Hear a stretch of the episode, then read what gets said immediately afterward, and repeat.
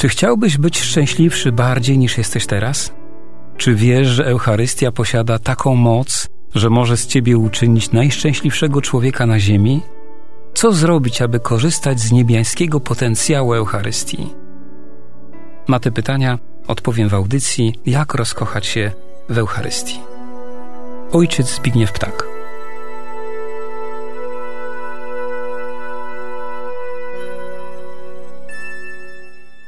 Jak zwykle na początku naszego spotkania zapraszam do wspólnej modlitwy. Jest ona konieczna, kiedy wchodzimy na grunt najświętszej z tajemnic. Nie chcemy poznawać świętych treści tylko od strony intelektualnej. Msza święta przekracza w swojej wielkości wszelki ludzki intelekt. Tu potrzeba Bożego światła i pokory. Módlmy się więc. Boże Wszechmogący, ofiaruję Ci krew Jezusa Chrystusa krew wszystkich męczenników, cnoty i zasługi Jezusa, Maryi, Józefa i wszystkich świętych w połączeniu ze wszystkimi mszami świętymi do tej pory sprawowanymi i tymi, które do końca dziejów będą sprawowane w intencji naszego rozmiłowania się w Eucharystii, w intencji naszego głodu Eucharystii i w intencji naszego zadziwiania się Eucharystią. Amen. Wszystkich uczestników tej audycji tego programu błogosławię w imię Ojca i Syna i Ducha Świętego. Amen. Ostatnie nasze spotkanie poświęciliśmy procesji na wejście. Mówiliśmy o tym, że procesja jest znakiem naszego pielgrzymowania do nieba. Zawsze jest z nami obecny Jezus. W naszym życiu codziennym jest podobnie jak w liturgii. W liturgii Jezus ukrywa się w kapłanie i potrzebujemy wiary, aby w nim dostrzec Chrystusa. W naszej codzienności jest ukryty Jezus w różnych wydarzeniach i ludziach, których spotykamy. I do tego również potrzebna jest wiara. W liturgii uczestniczymy również w tym celu, aby wiarę, którą tu przynosimy i rozwijamy, wnieść w naszą codzienność. Dzięki temu możemy czytać ślady Bożej obecności i Bożego działania. Dzisiaj powiemy o kolejnym elemencie obrzędów wstępnych mszy świętej, czyli o śpiewie na wejście. W tym samym czasie, kiedy rusza do ołtarza procesja, nawet w najbardziej uproszczonej formie śpiewamy pieśń na wejście. Śpiew w nauczaniu Kościoła spełnia kilka zadań. Pierwszym zadaniem jest rozpoczęcie akcji liturgicznej. Śpiew na wejście rozpoczyna się wraz z procesją. Jest on elementem jakby potęgującym rozpoczęcie boskiej liturgii. Drugim zadaniem, będącym elementem oddziaływania na uczestników liturgii, jest pogłębienie jedności. Każdy z nas nieraz w życiu doświadczył śpiewu we wspólnocie. Najczęściej tą wspólnotą jest rodzina. To doświadczenie jest bardzo przekonywujące. Śpiewając w grupie, jesteśmy bliżej siebie, jesteśmy razem ze wszystkimi śpiewającymi. Zadaniem śpiewu jest skierowanie i wprowadzenie myśli wiernych w tajemnicę dnia, czy też okresu liturgicznego. Inne pieśni śpiewamy na Boże Narodzenie, a inne na Wielki Post. Inne na uroczystość Królowej Polski, a inne na przemienienie pańskie. Jeszcze jednym zadaniem śpiewu, według nauczania Kościoła, jest towarzyszenie procesji kapłana z asystą. Kościół nas uczy, że we mszy świętej przewidziano kilka możliwości śpiewu na wejście. Na przemian schola i lud, lub kantor i lud, śpiew samego ludu lub samej scholi. Introit. Jeśli nie jest śpiewana żadna pieśń na wejście, wówczas powinno się odczytać antyfonę z mszału, która nazywana jest introitem. Introit to łacińskie słowo oznaczające przystąpie, a wzięte jest z psalmu 43. Całe zdanie z tym słowem brzmi przystąpię do ołtarza Bożego, do Boga, który rozwesela młodość moją. W dawnej liturgii psalm ten był najczęściej wykonywanym śpiewem w czasie procesji na wejście. Czym jest śpiew? Śpiew jest wyrazem świętowania. On doskonale przekazuje naturę świętowania. Czyni to przez podniosły charakter i zaangażowanie uczestników. Właśnie to zaangażowanie uczestników jest w tym uroczystym charakterze kluczowe. Wiemy doskonale, że w śpiewie niezwykle ważne jest to, abyśmy całym sercem to czynili, abyśmy pamiętali, o co chodzi w śpiewie liturgicznym. A chodzi w nim o to, by śpiewać na Bożą chwałę. Ta Boża chwała domaga się naszego pełnego zaangażowania. Kiedy nie śpiewam z zaangażowaniem, całym sobą, wówczas ta Boża chwała jest przeze mnie umniejszana. Oczywiście myślimy o normalnej sytuacji, kiedy uczestnik liturgii nie posiada obiektywnych przeszkód do śpiewu całym sercem. Śpiew jest również znakiem radosnego wzruszenia serca. Treści pieśni liturgicznych mówią o najgłębszych prawdach naszej wiary. Dlatego jeśli człowiek posiada wiarę i potrafi zamyśleć się nad treścią pieśni, które śpiewa, wówczas niejednokrotnie może doznać wzruszenia serca. Ono pobudza do głębszego jeszcze udziału w świętej liturgii i oczywiście do większego poddania się woli Bożej. Niektórzy uczestnicy liturgii doświadczają tego, że to, co trudno wyrazić mową czy słowami, możemy wypowiedzieć śpiewem. Dlaczego tak się dzieje? Dlatego, że podczas śpiewu zdecydowanie mocniej aniżeli podczas ludzkiej mowy dochodzi do głosu mowa serca. Człowiek śpiewając, jakby dodatkowo mówił sercem, a nawet całym swoim ciałem. W ten sposób wypowiada się niejako całe jego jestestwo. Śpiew liturgiczny od dawien dawna traktowano jak dzieło, które posiada w sobie moc otwierania niebios.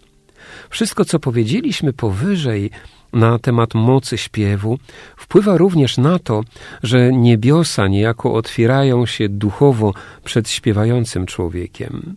Ci, którzy przeszli przez bramę nieba, a później mieli możliwość opowiedzenia o swoich doświadczeniach, mówią powielokroć. W niebie jest ciągły śpiew, ciągła muzyka. Ten śpiew to oczywiście uwielbianie Boga. Podobnie jest z muzyką. Wszyscy, którzy wypowiadają się na ten temat, mówią zgodnie, że śpiew i muzyka niebios nieskończenie przekraczają to wszystko, co człowiek może doświadczyć w tej materii na ziemi. Wydaje się, że najbliżej nieba jest muzyka chorałowa, śpiew gregoriański. Dlatego również z tego powodu Kościół katolicki tak bardzo kultywuje te sposoby wyrażania uwielbiania Boga. One w jakiś mistyczny sposób dotykają niebios.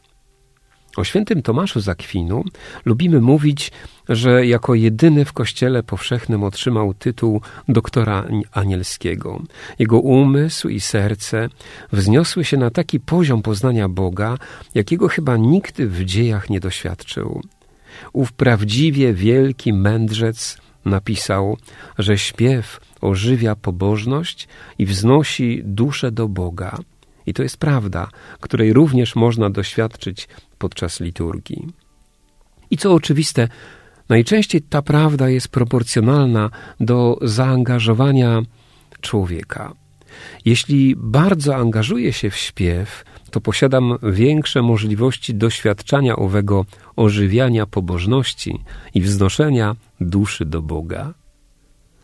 Dlaczego tak się dzieje? Z powodu dwóch elementów. Wraz z zaangażowaniem serca w śpiew przychodzi do człowieka łaska i to jest dla nas również zrozumiałe. Im mocniej się człowiek angażuje w Boże dzieła, tym więcej łaski Bożej jest niejako do jego dyspozycji. Drugi powód jest ten, że teksty, które śpiewamy, są często natchnione. Jeśli nie są wprost natchnione, to są zawsze jakąś formą modlitwy. O śpiewie powiedziano również i to, że w nim medytuje się to, co się mówi. Dochodzi do tego z tej racji, że zwykle śpiewa się wolniej niż się mówi. To wolniejsze tempo powoduje, że człowiek niejako samoczynnie więcej czasu poświęca na treść. Serce zaangażowane w śpiew powoduje, że śpiewane treści do niego wędrują. Śpiew na wejście jest zatem również wyrazem świętowania, jest intymną historią wiary człowieka. W liturgii pełni rolę dziękczynienia Bogu za dzieło stworzenia i odkupienia. Luter Postawił śpiew na równi ze Słowem Bożym. Uznał go za najwyższą formę ekspresji, synonim radości, triumfu nad szatanem i najskuteczniejszy egzorcyzm. Śpiew wiernych podczas boskiej liturgii u prawosławnych łączy się ze śpiewem aniołów, tworząc chór głoszący chwałę Boga. Prawosławni mówią, że śpiew to ikona w dźwiękach. Śpiew przez nich jest traktowany jako nadsztuka. Postawa ta przejawiać się ma, nasza postawa wewnętrzna, w naszej bliskiej łączności z Jezusem. Jezus był praktykującym Żydem, uczestniczył w liturgii synagogalnej, a tam śpiewów, psalmów było niemało. Poza tym w Ewangelii jest zdanie, po odśpiewaniu hymnu wyszli ku górze oliwnej. Z pewnością Jezus powielokroć śpiewał. Podczas śpiewu na wejście możesz duchowo przywołać Jezusa śpiewającego i wyobrazić sobie Jego w ten sposób uwielbiającego Ojca. Jezus śpiewał jako Bóg w taki sposób, jak nikt nie potrafi śpiewać nawet w niebie. Kiedy duchowo wewnętrznie łączysz swój śpiew z Jezusem śpiewającym, wówczas Twój śpiew nabiera znamienia nadprzyrodzoności. Może nawet naznaczony jest jakimś znamieniem boskości. Oczywiście podstawą do takiego myślenia jest anamneza. Uczestnicząc we mszy świętej, uczestniczymy we wszystkich wydarzeniach z życia Jezusa Chrystusa, dzięki temu, że Chrystus był Bogiem, a Bóg jest w wieczności i z wieczności. Tą wiecznością niejako namaszcza czas, w którym my żyjemy. Ta wieczność, która była obecna w jego życiu ziemskim, ma swoje przedłużenie i uobecnienie w Eucharystii. Czyli życie Jezusa dalej trwa podczas mszy świętej. I to jest niepojęty duchowy cud. A dzięki temu, że jest on duchowy, to znacznie głębszy w swoim oddziaływaniu niż materialny. Przeżywanie liturgii w takiej łączności z Jezusem ożywia więź z naszym Bogiem, Zbawicielem, Przyjacielem i oblubieńcem. Wszystkich słuchających tej audycji z serca błogosławię w imię Ojca i Syna i Ducha Świętego. Amen.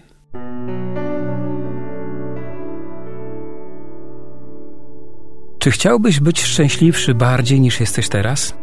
Czy wiesz, że Eucharystia posiada taką moc, że może z ciebie uczynić najszczęśliwszego człowieka na ziemi? Co zrobić, aby korzystać z niebiańskiego potencjału Eucharystii? Na te pytania odpowiem w audycji Jak rozkochać się w Eucharystii. Ojciec Zbigniew Ptak.